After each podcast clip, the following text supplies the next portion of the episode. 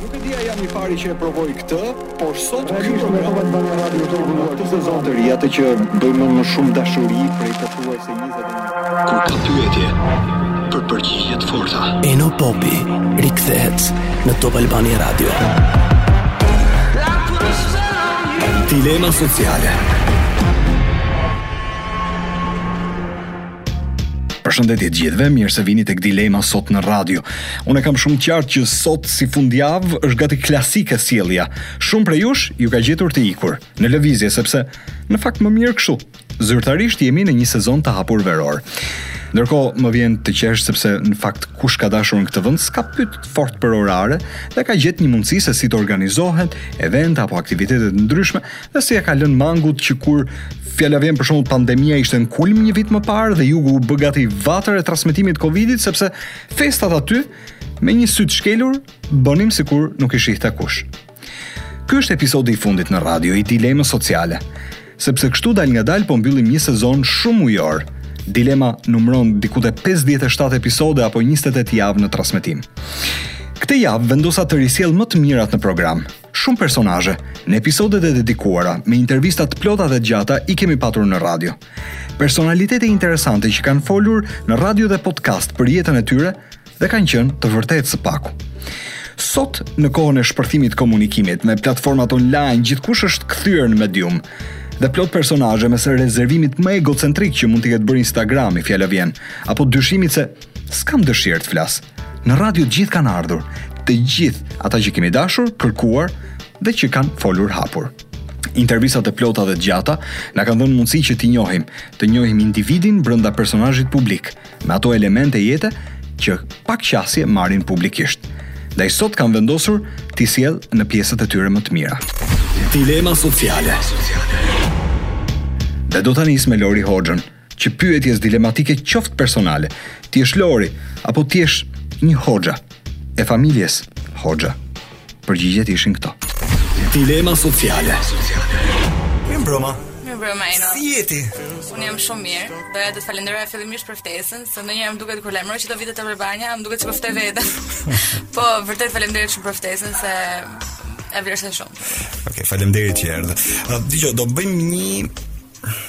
marrëveshje të dy bashkë. Do braktisim telefonat. Unë e di që në një në një formë, në një tjetër do interferojnë edhe te ti dhe te unë. Sepse dua që të përqendrohemi tek ajo që do të flasim edhe do të themi sot. Ajo që unë thashë në fillim është um, komplet mëdyshja personale e një njeriu që midis të qenurit një Hoxha dhe ti do të jesh gjithmonë një Hoxha. Dhe midis të krijuarit një Lori është Është dhe qëndron aty midis. Ti akoma nuk e ke gjetur balancën? Ë, uh, jo, akoma nuk e kam gjetur balancën. Kjo ka qenë një nga vështirësitë më të mëdha të viteve të mia të fundit, edhe ndonjëherë më vinte siklet ta thoja se është privilegj shumë i madh. Domethënë që ta nisim që këtu, jam shumë me fat. Ë, uh, mbiemri që kam, trashëgimia që mbart, Ëh, është e gjitha një një krenari shumë e madhe për mua, por është po aq dhe një presion aq i madh, dhe të duket duket shaka, po gjithmonë kam dashur po aq sa të jem krenare për mbiem- mbiemrin që kam dhe vajza e kujt jam, po aq sa dua të largohem dhe të them tani dua të jem unë.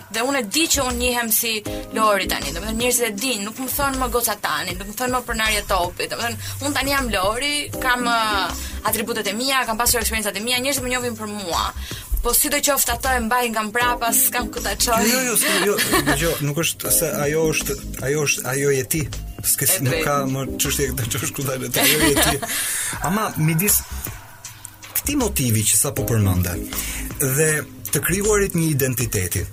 A ka momente që thua nëse nuk do të kisha pasur mbiemrin, kjo do të kishte qenë shumë, po shumë, po shumë e vështirë.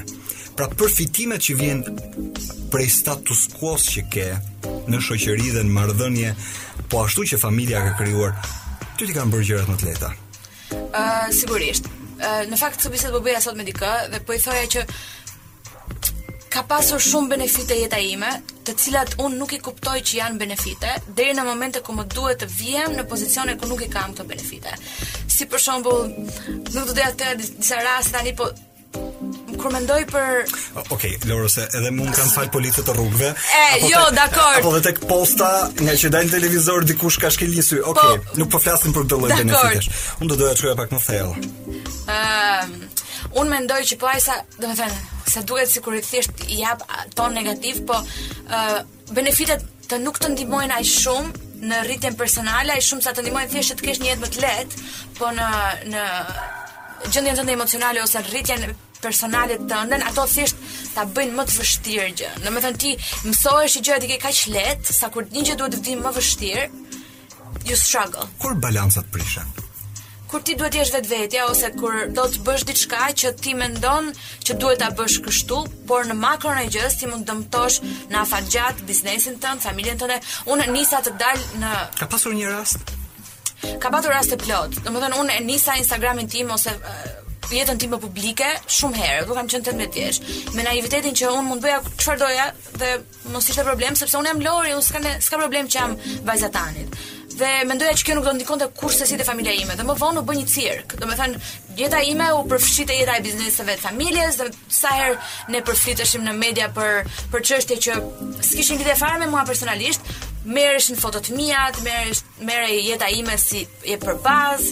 Çfarë është faktu? Të qenurit në spotlight ose të qenurit në vëmendje. Mm -hmm. Që është kosto e kujtdo që gjendet në këto pozita. Unë njoh po ashtu fëmijë të familjeve që çojnë përpara bizneset në këtë vend, që o për zgjedhje personale, o për ndikim të familjes, janë pothuajse anonim në sytë e publikut.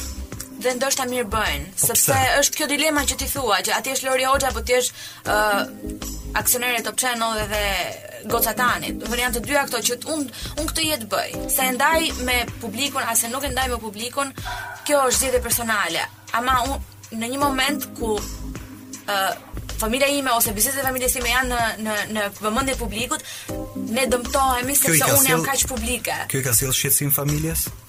Familjes personalisht jo, po thjesht ë në momente kur është dashur për të bërë keq mediatikisht, kanë patur një fytyrë për t'i vënë. Do me thënë, kur duhej të sulmohej ose kritikohej um, administrimi i bizneseve ose nuk e di, gjëra që ndodhnin në përditshmërinë e bizneseve tona, un kisha një fytyrë. Fëmijët e, e Vjollcës kishin një fytyrë dhe ti mund të thoje që uh, shife Lorin në Maldive Dhe ndërkohë këtu ka gjyqe. Domethënë, kjo ka qenë gjithmonë një situatë ku unë jam larguar nga nga mediat e mia sociale. Ka ndodhur shumë shumë herë që unë jam larguar dhe janë dhe uh, në sipërfaqe është dukur sikur unë mund të jem larguar për arsye shumë të vogla personale tip uh, është përfolur një periudhë që unë jam larguar për ndërhyrje në fytyrë, ndërkohë që unë largohesha për arsye komplet madhore që ishin më thelbësore se sa Sa thjesht një acid hialuronik, ha, ha, hialuronik të buzës. Kështu që nuk është uh, nuk ka ka qen gjithmonë kjo pesha e madhe që mbaje që thoja, "Ok, a duhet ta bëj unë jetën time sepse fundja un un jetën e kam të merituar." Um, me që ne jemi në bisedë, un kam vetëm një kuriozitet. Në bisedat me dhe këtu natyrisht që pastaj e mbyllim edhe hapim krahun për të tjera gjëra, po Në bisedat e vogla, ti dhe mami jot. Në bisedat e vogla, ti dhe motra jot. Në bisedat e vogla, ti ti me veten tënde thjesht kur ke mbulu kokën me një jorgan dhe je vetëm ti. Ke dashur të tërhiqesh, ke gjetur veten fajtore se mundet Të merrje përsipër më shumë se ç'të takonte? Shumë shpesh e, bë, e bëjmë këtë bisedë, sidomos me, me motrat dhe me mamin. Po ku është një moment kthese, aty ku pastaj ti thua, jo, jam në rregull, po vazhdoj. Sepse unë kam një biznes të pastër, familja ime bën punën e saj, um, dhe fundja unë thjesht po jetoj jetën time pa asnjë, pa ndikuar keq te askush. Unë nuk uh, pretendoj të jem shembull i mirë, po as nuk mendoj që jam shembull i keq. Për shoqërinë unë këtë jetë kam, këtë jetë bëj, bizneset e mia nuk kanë lidhje fare me jetën time personale. Ah, okay. Do ishte e tillë edhe sikur unë mos të isha në Instagram. Kështu që kjo është ajo që më më rikthen. A mendon që ke humbur ca marrëdhënie të cilat më vonë pastaj nuk i ke gjetur më kurrë? Ëm, ehm, um, unë mendoj që dhe humbjet që janë, si thua, unë në marrëdhënie me shoqërinë ose në marrëdhënie romantike unë jap Të gjithë zemrën time e lë në tavolinë. Domethënë, nëse je me mua jemi all in. Unë jam all in për këdo. Dhe këtë kur e humb këtë, për mua është e vështirë shumë. Çfarë televizioni po bëhet sot sipas teje? Televizion i shpejt për njerëz që duan thjesht të kalojnë kohë. Ë, por jo të mendojnë shumë gjatë. Domethënë duan thjesht të shohin veten e tyre, realitetin që jetojnë, në një në një platformë edhe të gjejnë veten, të ndihen sikur përkasin. Shqipëria e ka televizionin kulturë. Unë dua të zgjohem me televizionin ndezur, dua të shoh Portokallinë të dielën, dua të shoh politikë në darkë, dua të qesh mbasdite, dua të flas për tema sociale apo për bukurinë apo për diçka të tillë dhe dua ta dëgjoj, dua të ulem dhe të dëgjoj televizion. Ne e kemi pjesë të kulturës, ne nuk i largohemi dot dhe mua më vjen shumë mirë që ne nuk kemi ecur aq para sa bota me, për, për të për ta zëvendësuar televizionin me një diçka më të shpejtë. Ty shumë njerëz mund të kenë projektuar të ardhmen jashtë Shqipërisë. Në momentin që u largove, thanë që të gjitha mundësitë i kishe për të krijuar një pra, përtej diplomës universitare, një rrugëtim tëndin larg dhe përgjithsisht njerëzit që janë larg, edhe larg familjes, edhe larg punëve dhe bizneseve të familjes, ndoshta e kanë edhe më të vështirë, por nga ana tjetër fitojnë një lloj pavarësie për rrugën e vet. Ëm ehm, um, unë e dua e dua shumë Londrën, e dua shumë Romën, më japin pafund kënaqësi në dy vite që jetoj, por unë mendoj që kjo ë uh, Pse nuk ikën të jetosh jashtë ose pse nuk bën diçka jashtë? Po këtu do bëjë njeri gjë, domethënë të gjithë duam të ikim jashtë, të gjithë duam të investojmë jashtë, ndërkohë që mua më pëlqen vendi im. Kam shumë mundësi për të bërë çfarëdo lloj gjëje kudo, edhe këtu, edhe në Londër, edhe në Romë, po mendoj që mund të bëj diçka të mirë këtu. Dhe prandaj dhe koleksioni që hodha ose dhe punët që unë dua të bëj i përkasin shumë afër Shqipërisë sepse kam e kam si është vendi im.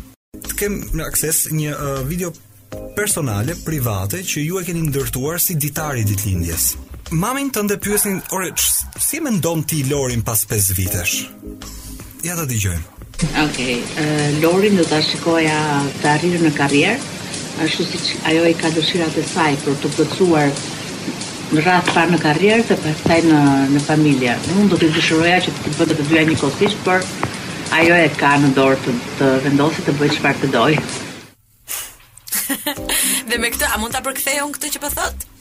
Që Lori s'ka nevojë të bëjë fëmijë. Rëndësi ka të bëjë karrierën ose nëse do t'i bëjë të dyja më mirë do ishte. Po kjo ishte thelbi, thelbi i Po ti ku e sheh veten pas 5 vitesh? Ë të arrirë në karrierë, sigurisht. Ka qenë gjithmonë prioriteti im. Ndërkohë mami përmend paralisht familjen. Po sepse ajo është bërë gjyshe tani nga Sara, ëm mm -hmm. dhe e di shumë mirë sa kënaqësi i ka dhënë Sarës kjo gjë në jetë. Po unë nuk mendoj që njerëzit janë ndërtuar për t'i arritur hapat në të njëjtën radhitje. Domethënë, ose fare, nuk mendoj që një femër detyrimisht duhet të ketë një familje për të qenë e arrirë, Dhe do doja ta zbuloja vetë këtë gjë, mos të kem këtë presionin social për të patur detyrimisht një familje, më pyesin shumë shpesh dhe do doja që të eliminohej si pyetje kjo në shoqëri që uh, a do bësh fëmijë, a ke fëmijë, a je shtatzënë, a uh, domethënë a mund të bëjmë diçka tjetër përveç se të bëjmë fëmijë dhe të rrimë në shtëpi, domethënë unë dua të bëj diçka tjetër. Dhe është shumë okay nëse do të bësh fëmijë, por shumë okay edhe nëse nuk do të bësh fëmijë. Dhe le ta normalizojmë pak këtë bisedë, ju lutem. Se e kam me pasion të madh. Sa goca po dëgjojnë tani edhe po mendojnë që mami vetë po i thotë dëgjoj kur do martohesh ti. Kur jo, e ke lënë ti? E di që është dhe okay. un, mami im nuk ma bën këtë gjë dhe jam shumë krenare, por ndoshta s'ma bën sepse ka Okay. Sara ma, ma lehtësoi shumë këtë pjesë. Viti i fundit ka qenë goxha i vështirë për mua, um, personalisht. Dhe i vetmi person që kam patur aty, fizikisht dhe emocionalisht ka qenë Sara. Dhe një moment e humba rrugën, dhe fillova të dyshoja shumë te vetja ime. Dhe këto fjalë, unë e di që, i ka thënë që të më vijnë mua si mesazh realisht, për, për të më dhënë forcë, sepse Siç ta thashë më përpara, unë e lë zemrën në tavolinë gjithmonë, me këdo që jam, edhe jeta më ka treguar që jo çdo njeri ngelet. Dhe jo çdo njeri ta merr atë zemër dhe ta ruan. Kështu që ajo ma kujton çdo ditë që unë vlej përveç gjërave të tjera, që mund të kem nga mbrapa ose mund Bëj se unë duhet t'i bëj sepse jam kjo që jam dhe nuk duhet të ndryshoj për këtë. Edhe e, e, e dua atë njeri aq shumë vetëm për për kaq sa bën. Sikur të bënte vetëm kaq për mua, për mua kjo vlen, që të më kujtojë se zemra e njeriu vlen më shumë se çdo gjë. Kur u takuam dhe po diskutonim për programin, ëm um, unë ngrita një Pikëpyetje personale në raport me atë që ti shfaqesh në publik.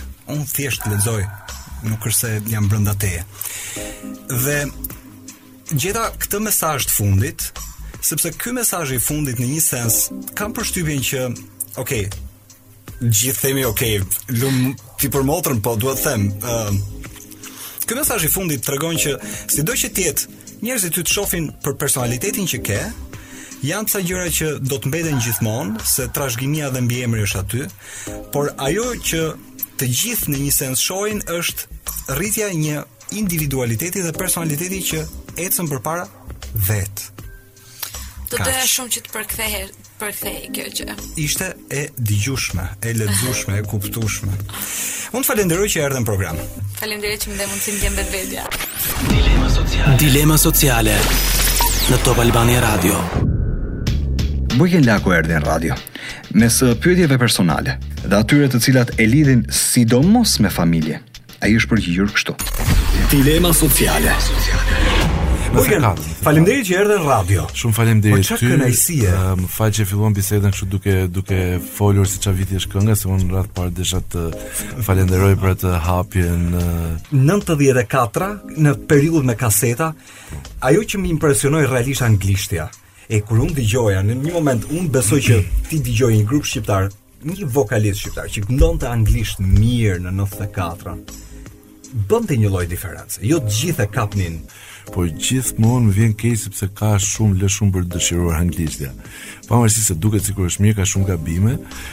Duhet të them uh, që në atë kohë, domethënë vitet 90 ishte si jo si modë, po ishte si detyrim ë uh, që një i ri duhet Sepse ishte momenti që u hap uh, shoqëria dhe gjithsecili e ndjente te vetja që duhet të ishte i përgatitur për një moment të ri në jetë dhe gjithsecili besoj që edhe ti e mban mend ose ata që po dëgjojnë që bënim shumë bënin të rinjtë mësime private anglishte sepse ne Nuk është se kemi pas anglisht në shkollë, unë për shembull kam bërë gjithë jetën rusisht në shkollë.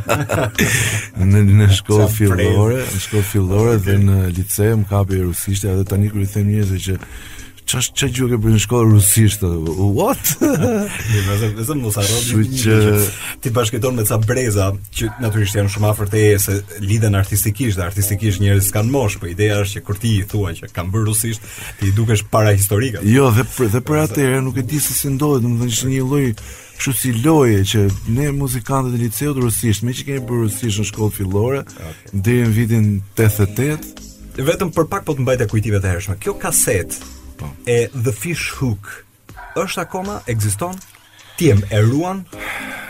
Jo, unë ruaj vetëm shiritin origjinal që është prodhuar në studio, shiritin që është një shirit ADAT, si me thënë shirit. Që praktikisht ju e keni bërë në Maqedoni. Kemi bërë në Maqedoni, ka një histori shumë të veçantë. Deridiku është pak e trishtueshme.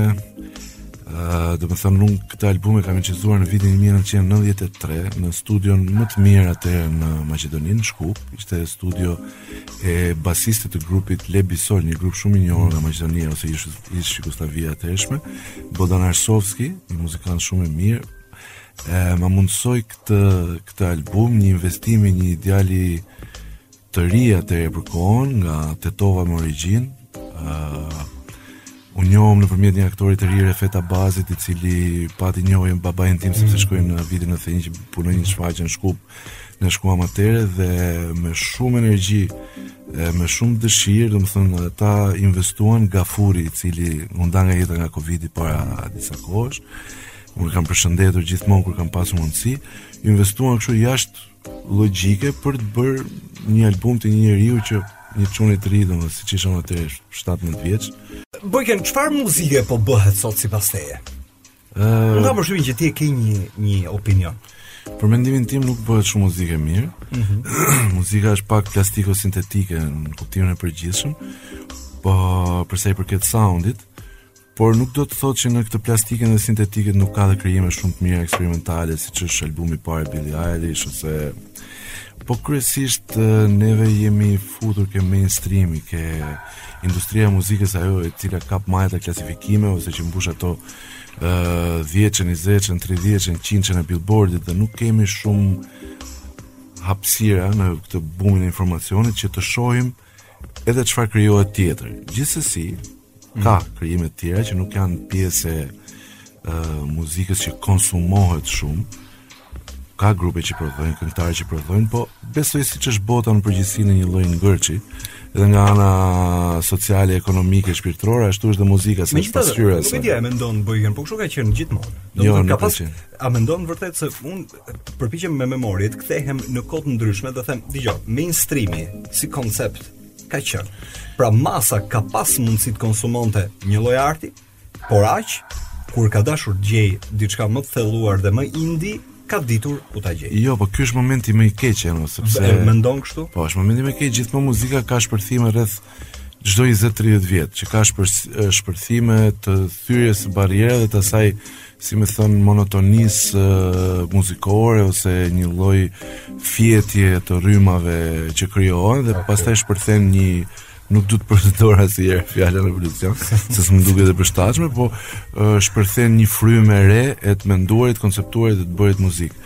Mendoj që ky është momenti që këtë vit ose vitin që vjen kur të mbarojë dhe kjo pandemia e tmerrshme dhe ose kjo pa akumulon, pa akumulon që artistët dhe njerëzit dalin në një përfundim të ri dhe dalin në konkluzion të ri se si duhet ta bëjnë muzikën, ku duhet bazohen. Po patjetër. Dhe ti nuk hoqe dorë nga të bërit televizion kurrë. Një moment the mund të thoshe që po merrem me diçka tjetër, po televizioni prap ngeli. Ë uh, po. Nuk hoqja dorë. Domethënë kam dëshirë të merrem shumë me televizion, por me programe promovuse, sepse televizioni para një 10 viteve ndërroi pak kursin. Televizioni duke u mbështetur dhe nga rrjetet sociale, uh mhm. -huh. kaloi më tepër në një media uh, pak më interaktive, të klikueshme, më shumë se sa të shikueshme. Çfarë televizioni bëhet sot sipas teje? Ky është pra televizioni që bëhet sot. Ka disa forma, sepse ky është debat i gjatë, duhet të marrin pjesë sociologë, njerëz që e njohin fushën e televizionit, por ka televizione në Angli, në Amerikë, në gjithë botën që qëndrojnë uh, stoik, stoik tek filtrimi, te ajo që sepse ata që bëjnë televizion kanë dhe një mision, misioni është edukues, siç ishte Misioni i Tanit ë uh, është mision edukues, do fusësh një kulturë, një edukatë dhe nuk mund të ndërrosh kursin e e qëllimit që ka televizioni. Sot televizioni është bërë pak a shumë po bëj një program ai që shitet dhe ai që shifet. Kjo është shumë e thjeshtë dhe kjo degjeneron gjithçka. Domethënë në qoftë se televizioni që bëhet sot është një produkt i ë që e mban konsumi dhe tregu dhe ajo banalja që mundet të shitet se normalisht çdo gjë banale mund të shitet më mirë se një gjë e fisme që ka duhet menduar pak më tepër mm -hmm. që është nuk është aq e thjeshtë për t'u përshtypur për t'u përtypur por ka mhm. një rol edukativ që të krijojë ë të krijojë një kulturë të mirë për brezat që vijnë Bujo sa dorë të dha ty Dhe nënkuptoj në këtë pikë Bujar Lakon Një prej personaliteteve Të filmit edhe teatrit Natyrisht i pashlyeshëm Kujtimi po Tani ne të gjithë e njofim Bujon prej teje Se Bujo vazhdimisht Ti i referoheshe në çdo moment Por ama ky është refleksioni jot me veten. Sa të ka ndihmu Bujo në këtë që je ti tani? Po, siç thashë, sa më tepër largohesh, aq më tepër reflekton dhe mendon më kthjellët. Normalisht Bujo ma ka hapë mu rrugën, as i diskutohet fare, pavarësisht se në ato vitet e rinisë, uh, adoleshencës e kishim pak kshu se uh, në sensin që nuk, nuk Doja që të vendosja talentin tim në këtë sens që mos më shikonin njerëzit ose kolegët ose kur isha në situatën në shkollë, në akademi që që ky person është këtu prej Bujos dhe këtë nuk e donte as ai vetë. Madje ishte kundër kësaj fare. Unë e bëj njëherë procesin me veten, ça fëmije kam qenë unë? Ça fëmije ke qenë ti? për ata të dy. Po, s'e di se si mund të vlerësoj veten, po... Thelbësisht, ata të kanë pas vetëm ty. Ti ke qenë drita syve. Ja... Dhe je. Unë kur auto reflektoj njeriu nganjëherë kur auto reflekton nuk i pëlqen 85-90% gjërat të, të vetes së vet Ë, sidomos marrëdhënia me prindrit. Ë, sidomos marrëdhënia me prindrit në këtë lloj jete që ne bëmë gjatë këtyre 30 viteve si si jetë kaotike që mm -hmm. s'dinim ku shkonim, çfarë merrnim pa ndonjë lloj eksperience, ë pa si me thënë rrugë trage të vendosura nga eksperiencat e viteve të mëparshme se këto 30 vjet kemi që jetojmë realisht në këtë lloj bote. Nuk po llogaris para viteve 90 se ishte një lloj sistemi edhe më shumë surreal se ç'është ky tani. Okay. Se ky mund të jetë kaotik, ai ishte surreal. Kështu që në autorefleksionet e mia uh, mendoj që ka vend po të kisha qenë një Bojken tjetër ta kisha kthyer kohën mbrapa, mm. ndryshe do isha sjell, ndryshe do i kisha vlerësuar dhe prindrit në në raport me vlerën prindërore që që çdo prind ka, por ama edhe personalitetin e prindërve në në moment në në raste që janë të tillë. artistë dhe njerëz që që kanë mbajtur ngarkesa pak më të mëdha. Dilema sociale në Top Albania Radio. Ka qenë në vitin e vet më të mirë televiziv. Bora Zemani, në Top Albania Radio tek Dilema Sociale tregoi që çfarë në fakt nuk priste nga televizioni dhe çfarë i ndryshoi, si i ndryshoi jeta me Përputhen. Dëgjojeni tani. Dilema Sociale. Dilema Sociale në Top Albania Radio. Ej, interesante e gjitha, ti po përjeton një vit si është ky vit për ty? Vit shumë i bukur në fakt. Ka filluar I bukur apo i lodhshëm? Të dyja bashkë, po mua si bricjap që jam më pëlqen shumë lodhja. Kështu që nuk ankohem asnjëherë nga lodhja. Edhe në fakt viti që shkoi 2020-a që në fillim të vitit lexova dhe horoskopin, okay. ishte viti i bricjapit mm. etj etj dhe filloi pandemia, pastaj u mbyll çdo gjë. Thashë pse në vitin tim, unë këtë vit do bëja namin. U demoralizova pak në fillim, megjithatë gjatë rrugës gjërat shkuan shumë shumë mirë dhe më dhanë mundësi që as nuk i kisha menduar, nuk i kisha çuar nëpër mend fare. Çfarë ndodh me ty kur ë uh, futesh në një mjedis, siç është Përputhen, ku natyrat, siç unë u përpoqa në fakt edhe t'i vizatoj pak janë nga më të ndryshmet. Djem dhe vajza që natyrisht kam përshtypjen që më shumë realisht gjuajnë televizionin, se sa gjuajnë ndjenjën në lexim paraprak në një sens. Mendon që është interesante për tu marrë me ta apo her pas herë gjen të lodhshme për tu marrë me ta? Shiko, i ka të dy anët, është edhe interesante, është edhe e bukur, qëndron edhe fakti që ndoshta fillimisht mund të nisen uh, nga suksesi që ka programi edhe duan t'i afrohen këtij programi ndoshta për përfitime të tjera, për famën edhe për të rritur në rrjetet sociale, gjitha këto gjërat qëndrojnë. Megjithatë unë mendoj se duke qenë përditë me njëri tjetrin nuk shpëtojnë dot pa u përfshirë në situata, pa ndjerë diçka, qoftë emocione pozitive, qoftë emocione negative. Kështu që të gjithë do bëhen pjesë e Përputhen, mhm. pavarësisht qëllimit të parë fillestar që kanë patur. Të gjithë bëhen pjesë e kësaj. Rritja jote në televizion nuk ka qenë e mhm. rastësishme. Ti po më tregoje me një të shkuar fillimisht Tek Fiksi? Po. Që un as të mbaj mend fare. Nuk më mban mend njeri te Fiksi dhe mirë bëjnë që s'më mbajnë mend në fakt se kam qenë bjonde po, aty. E di sa vajza kanë uh, lindur në një sens si uh, si personazhe nga nga Fiksi. Po ka qenë një sezon shumë i shkurtër në fakt. Xhemi ka bërë një nisje, pastaj gjithsecila ka pas karrierat e veta, po në një mënyrë a një tjetër janë ambientuar. Ajo si trampolin. Po, po edhe për mua ishte një trampolin, por nuk ishte ajo trampolin, trampolina për brenda Topit. Kalova menjëherë mbas Fiksit në një televizion tjetër. Okay. Po që shërbeu patjetër për trampolin. Dhe meqë jemi tek trampolinat. Unë e di që është vështirë të projektosh veten. Po ku e projekton veten ti? Ku e projektoj sot? Mbas Përputhen fjala vjen. Ëm ehm, um, Në fakt un kam në kokën time disa plane, ëh ah. uh, që edhe kanë, po edhe nuk kanë lidhje me televizionin. Kam edhe disa projekte në kokën time që ndoshta në të ardhmen do konkretizohen, do realizohen, por uh, për momentin jam e fokusuar në këtë program që kam që realisht është shumë intensiv sepse është kthyer dhe në dy programe, është Përputhen. Ti do ta kishe parë veten në një projekt ndoshta më impenjativ dhe më të rëndësishëm se Përputhen? Ja, supozoj unë një Big Brother fjala vjen. Po, sigurisht që po. Kam përshtypjen kushdo që merret me këtë punë që merrem unë, do e pëlqente një format të tillë. Megjithatë, më impenjativ se Përputhen për momentin me çfarë show që bëhen, vërdall nuk besoj se ka me një luftë të madhe që ndodh aty edhe me një energji të jashtëzakonshme që do për t'u bërë ky program. Por uh, Për momentin them që jam aty ku do doja të isha. Aty ku do doje të ishe. Po. Nuk është se kur të pyeta pak më parë që a, ku e projekton veten, ndoshta fillova të të ngacmoj pak tek a është ky program i ëndrrave në një sens. Edhe pse kush e dinte që do bëhej një Përputhen dhe befas ti do të ishe aty. Tani mund të quhet gati dream come true po. Kur shoh çat vjen brapa. Po. Ajo që më pëlqen të paktën në të gjithë karrierën time, ajo që ka ndodhur në të gjithë karrierën time është fakti që çdo projekt i ri që kam marrë ka qenë një shkallë më shumë për mua. Kështu që në këtë sens them që po, është maja kjo, po nuk i dihet asnjëherë çfarë vjen më brapa.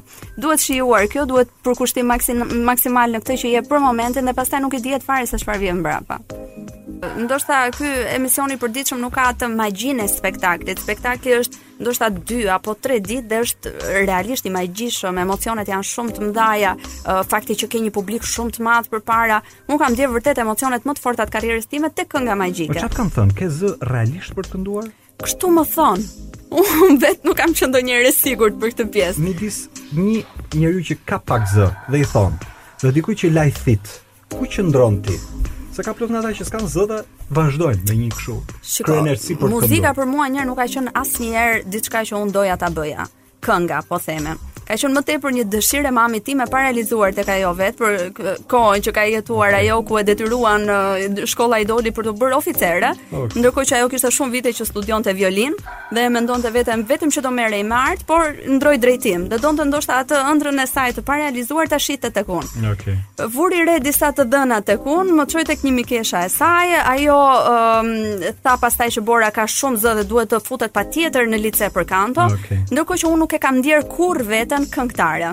Sakrifica të një mame uh, ose një nëne e cila ose një vajze e cila rrit djalin vetëm. Po. Pa pranin e përditshme të babait, sigurisht, pa pranin e përditshme, sepse babi i Arborit është shumë prezent në jetën e Arborit, po.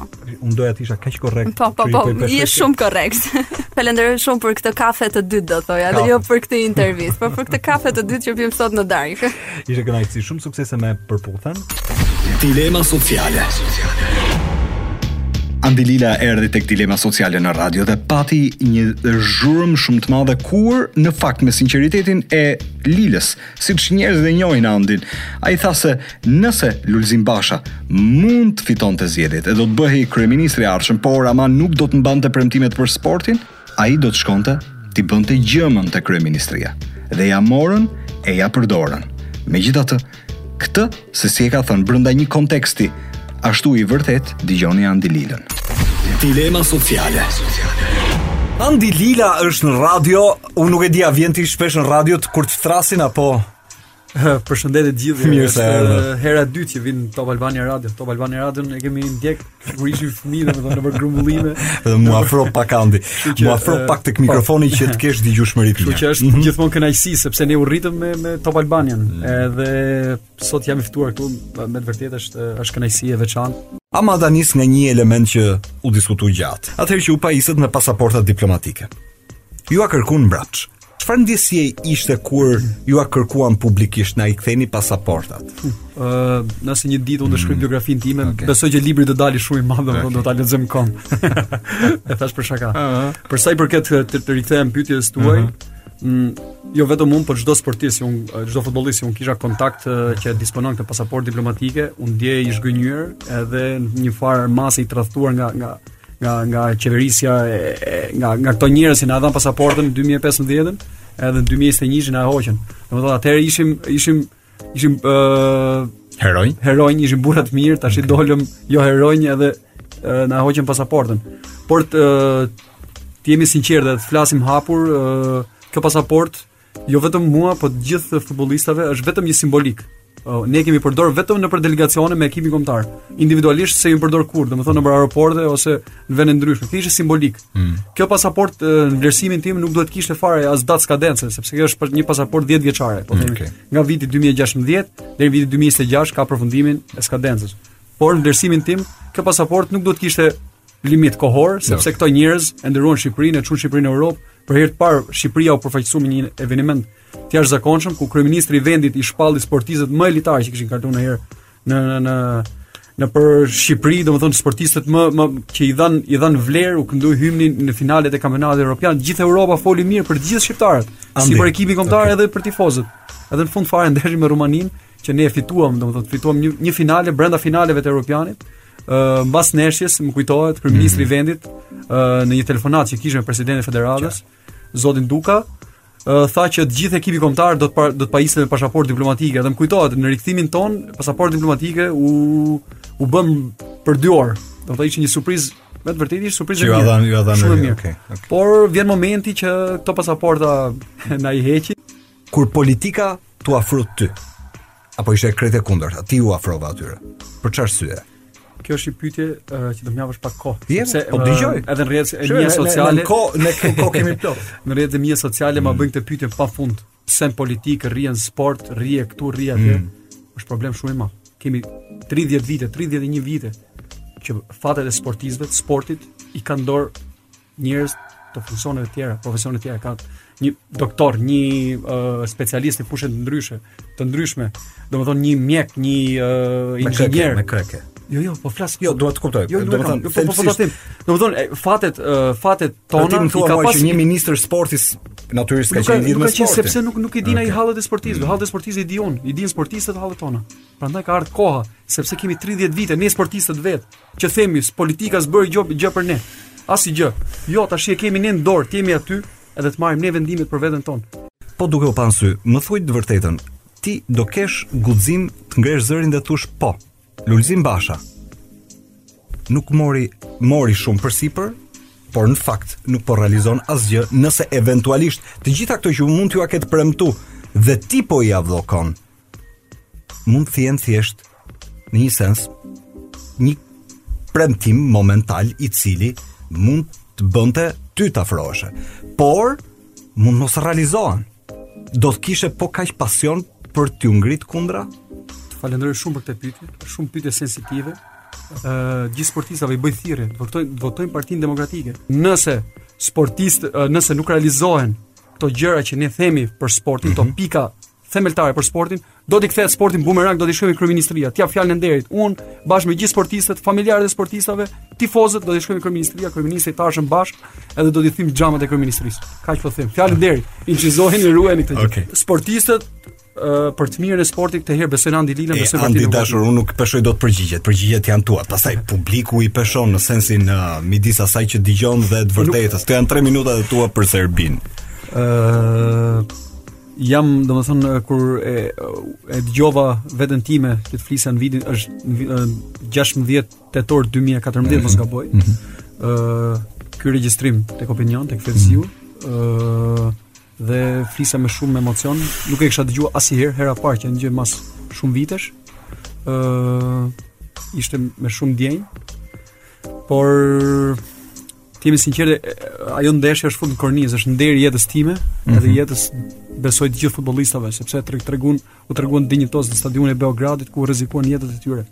Por unë do do do të kthehesha mbrapa pak se bile edhe shënova këtu. Mm -hmm. përpara ndeshjes që që po shkonim në në në, në stadiumin e, e Partizanit Beogradit në, në atë ndeshje, Trajneri De Biazi na thotë të gjithëve përpara ndeshjes duhet të futemi tek dhoma e video analizës që të shikojmë diçka. Informacionet okay. të gjithë okay. i kishim kishim bërë gjatë ditëve, gjatë javës.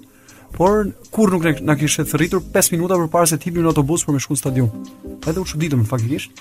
Edhe vin uh, vin në një video projektor tek video analiza në video projektor vendos uh, pamje motivuese, të jashtëzakonshme, pamje gjendje lufte për ne, sepse tregonte kosovarët që iknin me traktora që vinin për në Shqipëri, tregonte të vrarët e familjes Jashari për shkak të këtyre arma psikologjik, psikologjik. Kjo edhe edhe edhe recit recitimi e psikologjik. Recitimi i Reshat Arbanës o moj Shqipni, o që reciton e mjera Shqipni. Oh, Pastaj ë uh, okay.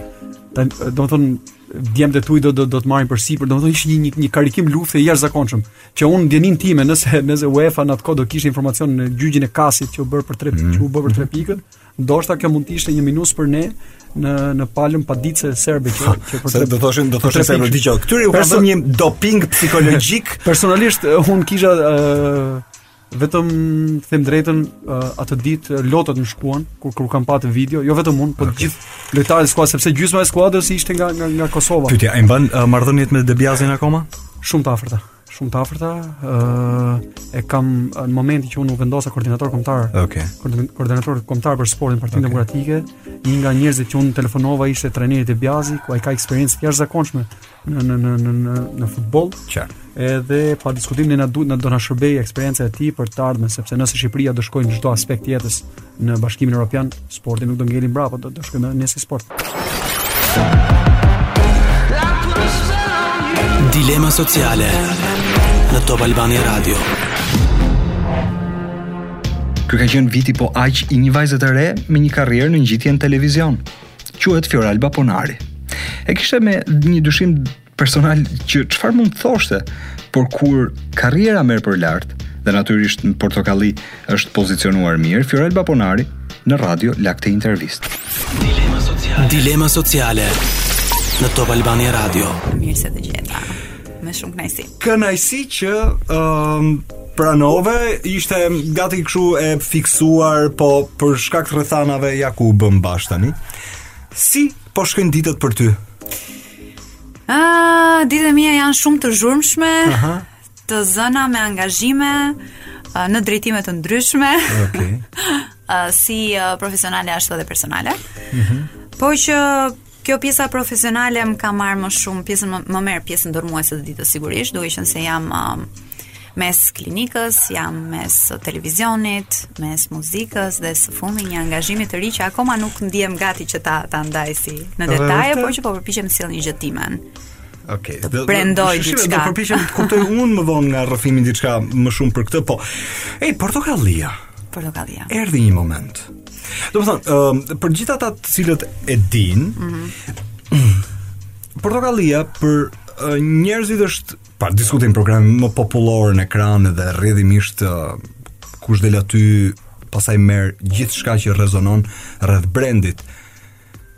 Po ishte për ty një program që erdhi rastësisht apo e doje? Erdhi rastësisht. Sigurisht që në momentin që pastaj m'u prezantua dhe mundësia, fillova të shikoja gjithë benefitet e gjësë dhe pashë e pashë si uh, një armë të fortë, të rëndësishme në lidhje me ato që unë synoj në televizion. Sepse, sepse uh -huh. Portokallia dosido uh, është kthyer, uh, domethënë njerëzit në familje ndoshta mund mos jenë mund të jenë larguar pak televizionit, por të dielën në shtëpi me familjarët. Është, është një ritual që nuk i largohesh dot dhe automatikisht shkon tek Top Channel për të parë Portokallinë. Në fakt. Dhe kjo që ndodh dhe në familjen time. Ti ke të drejtë unë i besoj uh, ritualit, si si marrëdhënie, jo, sinqerisht, mm -hmm. për njerëzit po të bënë ritual të zakonshëm, të kanë uh, ditën e diel si uh, si pjesë të familjes edhe nuk të shmangin dot. Kështu që shkojnë te ty ose vijnë te ty rrjedhimisht, po nënkuptoj Portokallinë. Po eksperiencë e re, eksperiencë e re me një ekip i cili Kush ka punuar, thotë që ata janë të vrullshëm deri të çmendur. Si po gjendesh ti mes tyre? Ë, uh, do kaloj uh, vetëm pas pak sekondash tek ekipi, po do doja të tregoja pak se si u bëra mbarë për të për t'iu bashkuar Portokallisë. Ë, uh, më ishte propozuar mundësia për të marr për të pranuar një audicion dhe për të testuar kiminë se si mund të ishte marrëdhënia në komunikim me Salsanon. Qëlloi që unë dy ditë më vonë rezultova pozitive me Covid. Okej. Okay. Uh, dhe në ato dyjavëshin që isha e karantinuar, uh, dëgjoja emra që lakoheshin vazhdimisht uh, mm -hmm. dhe arrita në këtë, domethënë, kisha marrë një telefonatë nga vetë drejtori uh, Filip Çakulli i mm -hmm. Portokallisë. Të cilën që... ti nuk e kishe hapur. Të cilën nuk e kisha hapur, por kjo vjen sepse unë nuk isha mirë nga gjendja shëndetësore. dhe nuk e kisha të regjistruar as numrin, kështu jo, që për të kërkuar ndjesë, për të kërkuar ndjesë. Lidhet Fjor, nuk të lidhte asgjë me Filipin në një sens. Ai drejtonte fiksin ti ishe në projekte të tjera e unë e kuptoj që s'kishe pse t'ia kishe numrin. Batuta ka qenë interesante. E bukura ishte se. Aha. Uh, Zoti Çakulli më shkruajti mua. Jam Filipi. Po. Tre pika. Ok. Dhe unë luajta blofin aty okay. në moment. Ok. I thash, po si mund t'ju ndihmoj? Uh, ndërkohë që unë isha mm. e sëmur ato ditë, isha me temperaturë dhe kisha rënë për të fjetur. Uh, më kishte marrë në telefon, kishte shkruar që kam një propozim për të të bërë, e gjithë me radhë. Ndërkohë të nesërmen mua më doli gjumi Mhm, mm të nesërmen nga dreka. Të nesërmen në mëngjes më kishte shkruar ndjesë për shqetësimin, mirupafshim. Nuk kishim mundësinë që të kishim një komunikim. Unë nuk e di akoma se për kë bëhej fjalë. Në një moment ti mendove që po të kishte devijuar rruga eventualisht me diçka tjetër, mund të mos kishe qenë ti. Por, ka një por, po. shpjegoje pak ti. Ti thua më fal se nuk jam mirë, Se s'ke qenë mirë me shëndet, se do dhe ai tha s'je mirë nga trut. Kush t'i ka dhënë këto informacione? Unë jam përgatitur për ty. Ëh, uh, dhe si si ndodhi. Ëh, uh, pasi dolëm, uh, pasi mbarova karantinën, takoj mikeshën time Argjirën, uh, dhe i them oj Argjira, më ka mbetur mendja te ky numri që më ka shkruar, sepse unë akoma nuk e dija se kush më kishte Shkruar me mesazh. Thjesht Truecaller. Po s'ma, s'ma vajti aq. Dëgjo, i kam kaluar vetë ditët e Covidit e di që vetmja gjë që mendon është të rrish në krevat, jo të mendosh kush ta marr në telefon, ha. Dhe nuk e di as që mm -hmm. Filipi kishte marr, domethënë kishte marr Portokallinë. Okay. Gjithmonë Figurën okay. e Filipit e kam lidhur mm -hmm. me Fiks Fare. Okej. Okay. Dhe fillojmë bëjmë një kërkim aty për të parë se kush ishte bordi drejtues i Portokallisë, cilët ishin emrat që ishin gjener, no, rigjeneruar, kush ishin mm. ata që do të vazhdonin të ishin dhe ata që kishin ardhur të rinj. Ku e bëni këtë kërkimin? E po tani edhe ne kemi burimet tona mo Elo. Hajde. Okej. Okay, dhe aty pam jo ishte publike, domethënë, e kishin nxjerrë të gjitha portalet. Ëh, uh, dhe aty pash që ishte në drejtimin e Portokallisë. Okay. Këtu mora uh, Filipin vetëm për t'i kërkuar ndjes, okay. sepse un kisha dëgjuar, isha jashtë topit në në, okay. domethënë gjatë asaj periudhe nuk është se kisha shkuar në institucion dhe dija çfarë ndodhte, siç është e, kisha halle të tjera. Okej. Okay. Kuptoj. dhe e mora thjesht për t'i kërkuar ndjes. Thash që nuk kam qenë mirë i thash. E më dha atë përgjigjen fantastike. Po i thash jo seriozisht kam qenë e smur me Covid i thash. Okay. Uh, po po tha, kështu jeni gjithë ju tha, kur uh, kur neglizhoni situata të tilla ata jeni gjithë të smur, tha gjithë me Covid. Dëgjo, dhe nuk i vë faj me thënë të drejtën, se pjesa më e madhe e njerëzve që njoh fun e kanë përdorur këtë Covid e kanë bërë sallat. Nja katër herë kanë dalë pozitiv, ti thu dreqi ta hajë, sikur ishin para një muaji, befas dalin prap pozitiv. Po, po thoshe. Ky nuk ishte rasti, jo. Në rregull. Okej. Dhe më tha, "Je mirë tani?" Po i thashë, "Nesër, tha, paraqitu për një audicion në Top Channel." Dhe Aty kështu bëm- filloi. Këtu filloi e gjitha, aty bëmë uh, një provë, mora vesh që kishin kaluar emra të mëdhenj dhe emra që pretendojnë të futen në televizion. Me thënë drejtën shanset edhe pretendimet i kisha shumë të vogla që mund ta merrja. A uh, kjo lidhet ngushtë edhe me faktin që unë nuk e kam synuar në vetvete Portokallinë ndonjëherë, për arsye që i kam sqaruar edhe në intervista të, të tjera. Thjesht nuk e kam parë veten adapte për një format të okay. tillë. Dilema sociale në Top Albania Radio. Marsela Çibukaj ishte tek uh, dilema sociale në radio, folëm shumë gjatë me njëri-tjetrin, por një prej elementëve që Marsela më tregoi ishte se mund të kishte qenë një uh, artiste multidisiplinare nëse në këtë vend fjala vjen për shembull mund të kishte pasur edhe musical. Dëgjojeni në radio. Dilema sociale. Dilema sociale në Top Albania Radio. Ju nuk e dini ndoshta historinë e vërtetë, por në, në Itali, unë ndiqja më së shumti televizionin italian, isha rritur aty, kështu që kisha më të thjeshtë, ndërsa mami dhe babi si dy nostalgjikë patriotë që vazhdojnë të jenë ende, ndiqnin kanalet televizive shqiptare nëpërmjet Digitalb. Dhe shihnin Wake Up-in atë. Dhe çdo mëngjes mami para se të ikte në punë kishte Wake Up-in të sintonizuar. Okay. Dhe unë dëgjoj uh, ju ty uh -huh. dhe Ledionin. Ëm ehm, uh, mbaj mend si tani uh, që promovonit fillimin e audicioneve. E audicioneve. Nëse ke një zë të bukur, mund të na shkruash në Top Channel vizë pikë nuk e di sa ishte. Me gjithë vizat e mundshme. Dhe, uh -huh. dhe mund të jeni edhe ju një nga konkurrentët e The Voice of Albania edicioni i parë. Unë wow. isha atë mëngjes, isha për mbaj mend që ishte ditë e premte.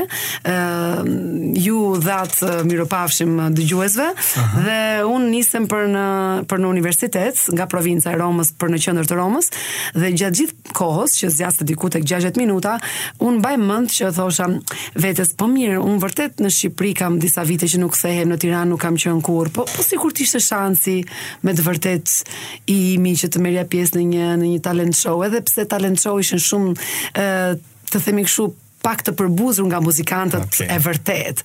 Dhe kështu që më bëhet qejfi që e festoj me ty këtë dhjetëvjetor, sepse ja që me atë promovimin e mëngjesit, sollët një talent në Shqipëri. Vijmë në një moment të karrierës që ty të propozohet kënga magjike. Pra ti shkon dhe prezanton këngë ose do të prezantosh këngën magjike. Po kjo ç'ishte? Atëherë, unë mendoj që asnjë gjë nuk vjen rastësisht, mm. ashtu siç edhe thashë pak më përpara, nuk ishte një rastësi. Fati donte që unë të dëgjoja atë atë publicitet të tëndin dhe të okay. Ledionit atë mëngjes. dhe të ndryshoja në një farë mënyre jetën time dhe okay. dhe të gjithë udhëtimin tim në muzikë. Uh, fati donte që pas The Voice u bë një bujë shumë e madhe në një mhm. farë mënyre Top Channel edhe u sulmua pse nuk më dhanë çmimin e parë. E di? Edhe pse Rina fituesja Bilurdagu kishte një zë të jashtëzakonshëm. Mirëpo, um, e kam uh, gjithmonë imagjinuar veten si një vajzë që në skenë di të bëjë më shumë se se një gjë. Sesa të këndoj. Dhe uh, në fakt në fakt kam qenë gjithmonë e dashuruar pas prezantimit, kam qenë e dashuruar pas aktrimit, kam qenë janë disa forma artistike që mua më përkasin, më janë kanë qenë të miat që të vo, që në në në në vegjëli. Në vegjëli, unë isha ajo ajo vajza që ndronte 3-4 herë veshje duke filluar nga imitimi i mamit i mësuesve apo i gjyshërve ku di unë dhe hiqej xhaketa e babit dhe fillonte këndimi nga këndimi pastaj jepej publiciteti duke imituar publicitetet e Rai Unos në atë kohë pra vazhdonte baleti tip Raffaella Carrà po çfarë do kishe qenë ti nëse nuk do ishe marrë me muzikën fjala vjen çfarë ta kishin projektu familja ty të ardhmen Ah, okay, unë kam studiuar për juridik unë, okay. shumë pak njerëz e dinë. Ti do ishe avokate sot. Uh, dhe në mm. fakt nuk është një profesion që do ta lë mënjanë sepse mund të lidhet shumë mirë me me botën e spektaklit, po, duke studiuar për shembull në rastin e muzikës të drejtën e autorit. Që këtu është copë. Uh, që këtu në Shqipëri kemi mungesë dhe është shumë e keqmenaxhuar. Pra, Unë kam qenë spektakëldashëse, unë kam qenë një vajzë që ka dashur reflektorët uh, të ishin drejtuar drejt, drejt saj. Më ka pëlqyer lëvizja, mua më pëlqen të jem në skenë, unë e ndjej atë aromën e, e, e saldimeve që ne kemi në, në, në show, në, në, në spektakle. Shumë pak njerëz dinë që mbrapa realizimit të një spektakli ka një makineri me njerëz që punojnë. Mua më pëlqen ajo zhurma e pluhuri që ngrihet. sa keq kur mbaron spektakli, sepse ndihem e gjallë vetëm në momentin kur jam në skenë. Në momentin që mbarojnë duartrokitjet, unë boshatisem. Dhe unë nuk do doja kurrë që atë, atë duartrokitje ta, ta blija. Dilema sociale në Top Albania Radio. Me Flutura Açkën folëm gjatë. Flutura erdhi nga një betejë elektorale, natyrisht ajo do të jetë në parlamentin e ardhshëm, por në aspektin personal janë ca gjëra që nuk kthehen dot në jetë dhe mungesa e të birit është një prej tyre. Dhe me Flutura Açkën folëm për këtë. Dilema sociale. Dilema sociale. Në Top Albania Radio. A u zhgënjeve ti nga zgjedhjet?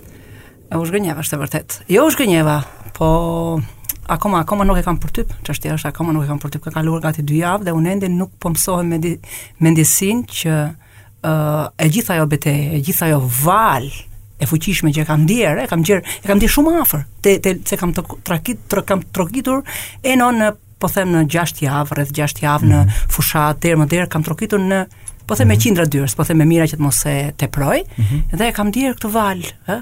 Dhe ka qenë një zhgënjim që ka ardhur mbase nga fakti që realiteti është tjetër dhe në fakt ka një realitet të dytë që është mirazh. Problemi është mirazhi ka qenë krejt tjetër nga realiteti. Në fakt realiteti ishte zhgënjyes, më zhgënjyes se sa kishte ishte ndërtuar mirazhi ynë. Kjo është një pyetje që juve ju kanë po. bërë shumë herë. Po. Ama unë besoj që përgjigja me po. gjasë mund mos jetë e njëjta. Po ç'ju duhet ju politika? Ah, ç'më duhet mua politika. E di, e di, ma kanë bërë, e na nuk kanë folur shumë për këtë gjë nuk në përgjithësi kanë folur për gjëra që kanë lidhje drejtpërdrejt me terrenin, se më është dashur të flas për gjëra konkrete në Elbasan. Po është më reflektive. Me, por uh, por shiko Floren. Vjen një moment, vjen një moment që ti ke nevojë për një farë, po them, ke nevojë të vesh të, të një të më thonë, rri në kuzhinë, ti ke nevojë të shëtisësh nëpër shtëpi. Okay. Pa ke nevojë për shtëpi, për një gjë hapësirë më të madhe. Mm -hmm. Dhe politika ta jep këtë mundësi. Pastaj unë jam njeri i fjalës, ku më mirë mund të jetë foltorja ime. Më thoni një foltore më të denjë, unë kam provuar radion, televizion, i kam provuar të gjitha në këtë botë, ha? kam gjeografi të madhe në jetën time, se kam shëtitur shumë, jam njeri që jetoj, jam europiane, jam njeri që jetoj midis dy botëve. por ose ose kësaj mesin qendrës së kësaj bote të madhe, por ka nevojë një moment njeriu t'i thotë edhe një t'i japë një vektor tjetër jetës vet, t'i japë t'i japë një dimension tjetër. Mbase edhe të shërbej. Fund fundi deri tani unë kam shërbyer me librin, po mbase ka një mundësi tjetër shërbimi këtij qytetari. Megjithatë, për cilin kam kaq shumë respekt. Ju vazhdimisht keni qenë prezente në po. komunikim, pa, në pa, po. media, pa. Po. ju në çdo rast. Pa Jeni aty. Mënyra, jo, po. do të them, ju në çdo rast në sa uh, sa herë flisnit apo analizoni diçka bëheshit lajm. Po. Pra, le të themi, fjala kishte një lloj peshë në po. opinion. E, edhe, pa, edhe pa politikën. Bëhesha, e di, e di. E në unë kam patur një Shiko, po ta lexosh birin, kur ta lexosh birin ti do të kuptosh përgjigjen, përgjigjen time, do ta marrësh përgjigjen time. Në një moment djali ka qenë 12 vjeç. Dhe erdhi një njeri, një një një, një i afërm në shtëpi dhe e pyeti, "Irin, çfarë dëshiron të bëhesh ti kur të rritesh?" Tha, si duket nga 11 vite në Shqipëri, duke dëgjuar Sali Berisha, Madje nuk thoshte Sali Berisha, po thoshte Sabi Lerisha. I thosha unë, "O Irin, po e ka Sali Berisha me mam, po Sabi Lerisha me mami s'e them kështu e them." Do aq shumë ishte, aq shumë ishte, po them i përmbytur dhe. Po paramendoj se si Irin mund po, t'i thoshte po, Lulzim po, Bashës pastaj, por le të ndalem. Por por edhe i thotë, thotë, "Çfarë do bëhesh ti thotë?" Thotë, "Do bëhem thotë politikan i pakorruptuar." Gjithsecili nga ne, me njerëzit që nuk janë më, ka një moment të ditës mhm. në mos qoftë periodikisht për ditë, mm -hmm. po ca momente, ëh, të cilat janë shumë personale. Unë që e kam me time më, e kam me njerëz tjerë, por ka ca momente të cilat, s'di me thënë, rri dhe ku di unë, kuvendoj, mendoj, mm -hmm. flas, mhm. si është për ju? Ja, si të them, no, po shumë, unë tani jam ai, që se mund të them kështu me, me një frazë, ha? Unë jam ai. Do thotë jeta ime pavarësisht se unë jam po jetoj një po them në të ardhmen, a? Do thotë nesër do të futem në parlament, kjo është një mhm. ardhme. Por në fakt, fakt unë jetoj të shkuarën time, do të thotë unë jam ai tani dhe bëj në gjysma ime është është ai që lufton me mua, që ulet me mua, do ulet me mua në parlament, gjithçka tjetër. Kjo kjo mund të duket kështu si po them si një gjë e çuditshme edhe dhe mund t'i habisë njerëz, po unë kështu e kështu e përjetoj, kështu jetoj. Dhe them se jetoj bukur sepse jetoj dhe pjesën pjesën e tij. Edhe unë marr, edhe unë shiko. ë uh, zakonisht uh, humbja është humbje, nuk ka nuk ka formulë tjetër më përveç për, për ta përkufizuar. Nuk ka përkufizim, ka vetëm një definicion humbje. A kupton? E fëmijës nuk është humbje, është përtej humbjes, është një gjë e papranueshme. Unë s'e kam pranuar s'do ta pranoj kurrë në jetën time. Mbase kur të iki atë ditë, kur të iki atë ditë do ta kuptoj që e kam pranuar që që s'e kam djalin. Por ka një gjë. Ka raste kur humbjet të lënë të varfër. Në rastin e tim biri, mua më ka pasuru edhe me ikjen. Do thotë një qenie që të lën të pasur edhe me ikjen, pse të them. Ka qenë një përvojë. Kur ta lexosh librin, mbase ndonjëherë do të flasim për këtë gjë, për humbjen dhe këto gjëra. Do ta kuptosh aty që unë kam njohur nga afër, kam kuptuar, im bir më ka mësuar se si të rri në këmbë. Zakonisht nënat thyhen, prindi thyhet se je prind, sepse diçka në zemberekun e kohës është shkatërruar kur humb fëmija, se humb e ardhmja, e ardhmja nuk, duhet të jetë në vazhdim. Po këto, kur humb prindin, thotë është një një një shkrimtare daneze e cila ka humbur djalin e saj para disa vitesh, 25 vjeçar, edhe i, mm -hmm. i mhm. hëngri disa ato kërpudha mm -hmm. që janë keni parasysh që t'i japin, po, ato po, po, po. imazhet edhe të po halucina edhe edhe ajo ajo ishte në New York në kohën që humbi djalin kur u hodh djali nga balkoni dhe Thotë, thotë kur humb fëmijën, thotë kur humb prindin, thotë humb të shkuarën. Është normale. Kur humb fëmijën, humb të ardhmen. Kjo e mund tani. Unë kisha kënaqësinë që të kisha në radio Dom Gjergj Metën. Gjithmonë kam menduar që njerëzit e besimit janë interesantë për atë që thonë, për më tepër edhe kur kanë disa elementë komunikimi, pra elementë të shtuar të komunikimit të cilët i bëjnë njerëz interesantë. Dilema sociale. Dom Gjergj, faleminderit që erdhe në radio. Kur si ndjehesh 45 vjeç? Mirë, shumë mirë. Shumë mirë, shumë shumë mirë. Ndoshta më më problem kam pasur kur kam kaluar 40-at. Okej. Okay. Ë kurse tani ndjehem mirë, ndjehem brenda habitatit tim natyrshëm. A e di pse të pyes. Dom Gjergj, dëgjova një intervistë para disa kohëve të uh, Anthony Hopkins, edhe kur e pyetën se si është me qenë 80 vjeç, tha një flutur. Dhe thashë me, "Okej, okay, çfarë përgjigje mund të jetë kjo?" Megjithatë ka njerëz që gjejnë ca forma Oh, interesante për ta përshkruar veten. Problemi është që të ndihesh mirë me me moshën tënde, të okay. jesh mirë me trupin tënd, të jesh mirë me uh, me historinë tënde.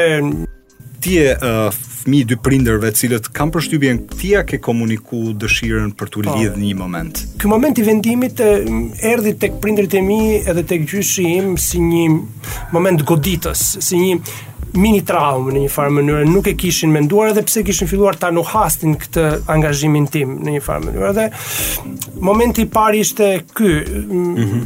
që uh, ata gati gati thanë po pse ë uh, nuk thanë asnjëherë jo. Këtë këtë mund ta them, por thanë pse e, pse pse po e bën këtë gjë? Prit pak. Je i ri, unë isha pa pa i mbushur 18. Je i ri. ë uh, prit edhe pak. Ë mm. uh, bëj një uh, diplomë, shko në universitet, pastaj vendos. Okay. Megjithatë kjo zgjati shumë pak sepse në fund uh, pastaj ata mbas pak kohësh dolën me këtë përfundim që në qoftë se ty ti çka të bën të lumtur, ne jemi të lumtur. Dom Gjergj, ama ka njerëz të cilët uh, kanë shfrytzu fort besimin, kanë rritur kuotat personale, Dhe diku diku ne kemi menduar që kanalizimi politik do të ishte i zakonshëm. Unë kam pyetur direkt në sy ë uh, Elvis Naçin për shkak të angazhimit të tij me besimin në një moment edhe me elementët e bamirësisë. Dhe shumë menduan që kuotat personale dikush mundet në një moment të jetës t'i kanalizonte në çështje të vendimmarrjes politikës që mund të përkthehej në votë. A i ke parë ndonjëherë që ka pas Shqipria raste të rrëshqitjes edhe në këtë lloj forme? Sh, e, së pari, unë kam respekt shumë për punën që ban zoti Naçi. Dhe? E, e, e dyta, në kishën katolike, e, koncepti i bamirësisë, e, është në një farë mënyre Pak më ndryshe, sepse bamirësia është shprehje e komunitetit, e bashkësisë, nuk është shprehje e iniciativave personale, në një farë mënyre. Prandaj që ne kemi shumë të institucionalizuar bamirësi nëpërmjet fondacioneve që kemi, për shembull Karitasi, famullitë e ndryshme, bashkësitë, pra është një shprehje e, e vullnetit të personave. Dhe kjo themi kështu është është mënyra se si ne si ne veprojmë dhe operojmë në fushën e bamirësisë që është bamirësia nuk duhet ngatërrohet me dashurinë, në kuptimin që bamirësia është materializimi i dashurisë. Po kjo është personale. Unë nuk e di a ka tentuar dikush në një moment në gjithë këto vite të jetë afruar te ju për shembull. T'ju ketë kërkuar që në një moment ju të përfshiheshit në një aktivizim më politik se sa i besimit.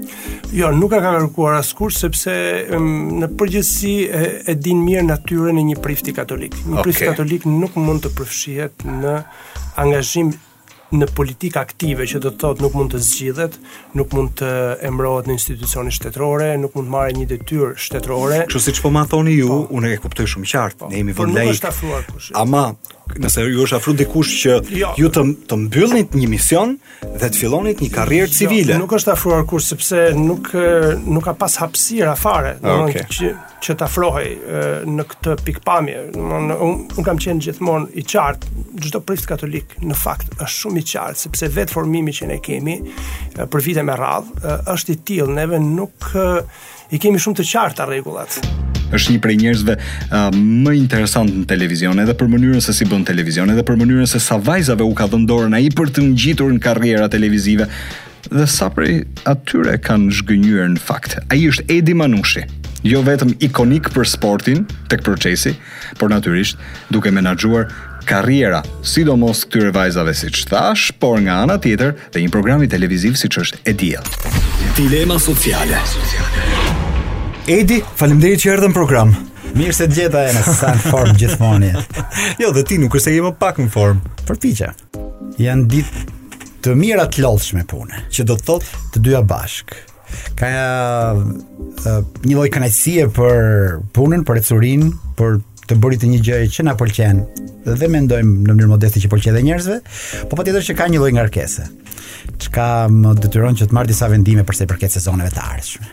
A mendove fillimisht që ky është një bast i humbur E nisëm me idenë që sido të dalë, e ashtu si disa domene të rëndësishme në Top Channel që janë marka të forta, di unë, siç është Procesi, mm -hmm. Wake Up etj etj. E Diell është një markë e rëndësishme në në Top Channel, një markë e rëndësishme e cila për një aspekt kohor për disa sezone u la jashtë për arsye të ndryshme jo në Formula 1. Jo, domethënë nuk edhe në fakt nuk kam shumë mirë të qartë sepse u la jashtë, sepse është një diçka që kërkon tregu, e vura re mbasi u riktheva te kjo gjë dhe i shkon Top Channelit në ato lloj mesazhe, në ato lloj televizioni që bëjmë ne për të mbushur të dielën mbas dite, ka një lloj urie për produktin Made in Top Channel.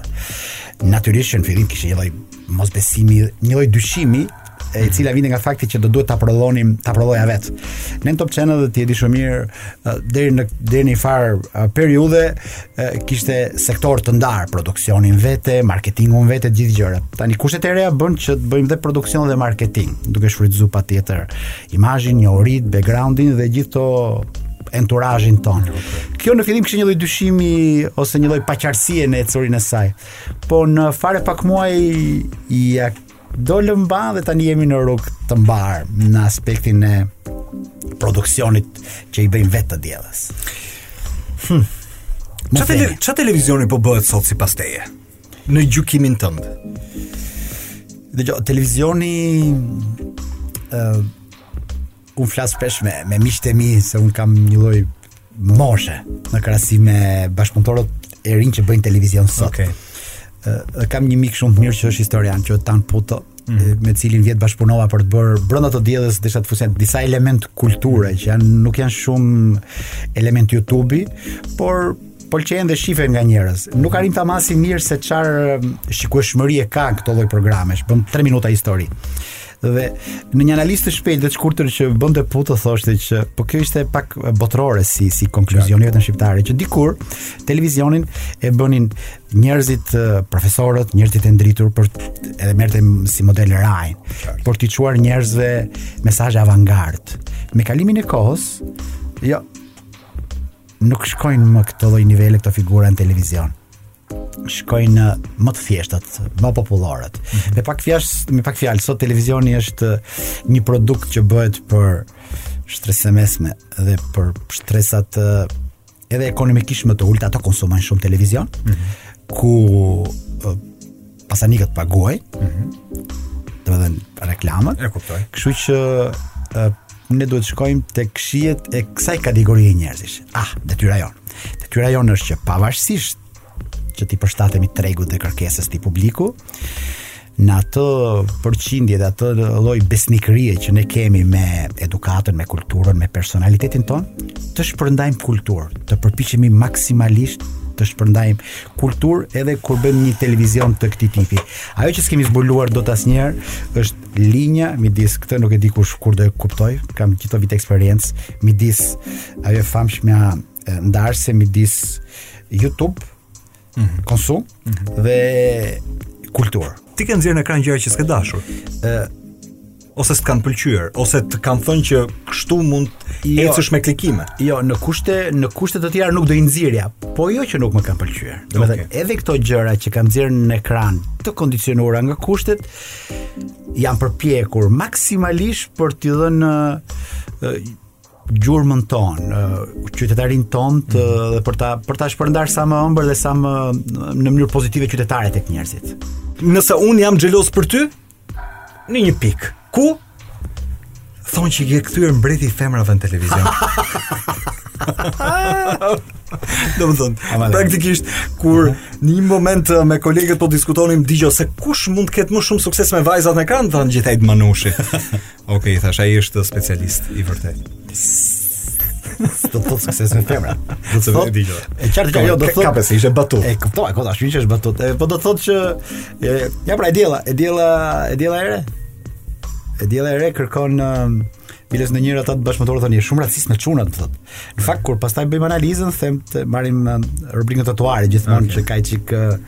Është pak tribunë më shumë femërore.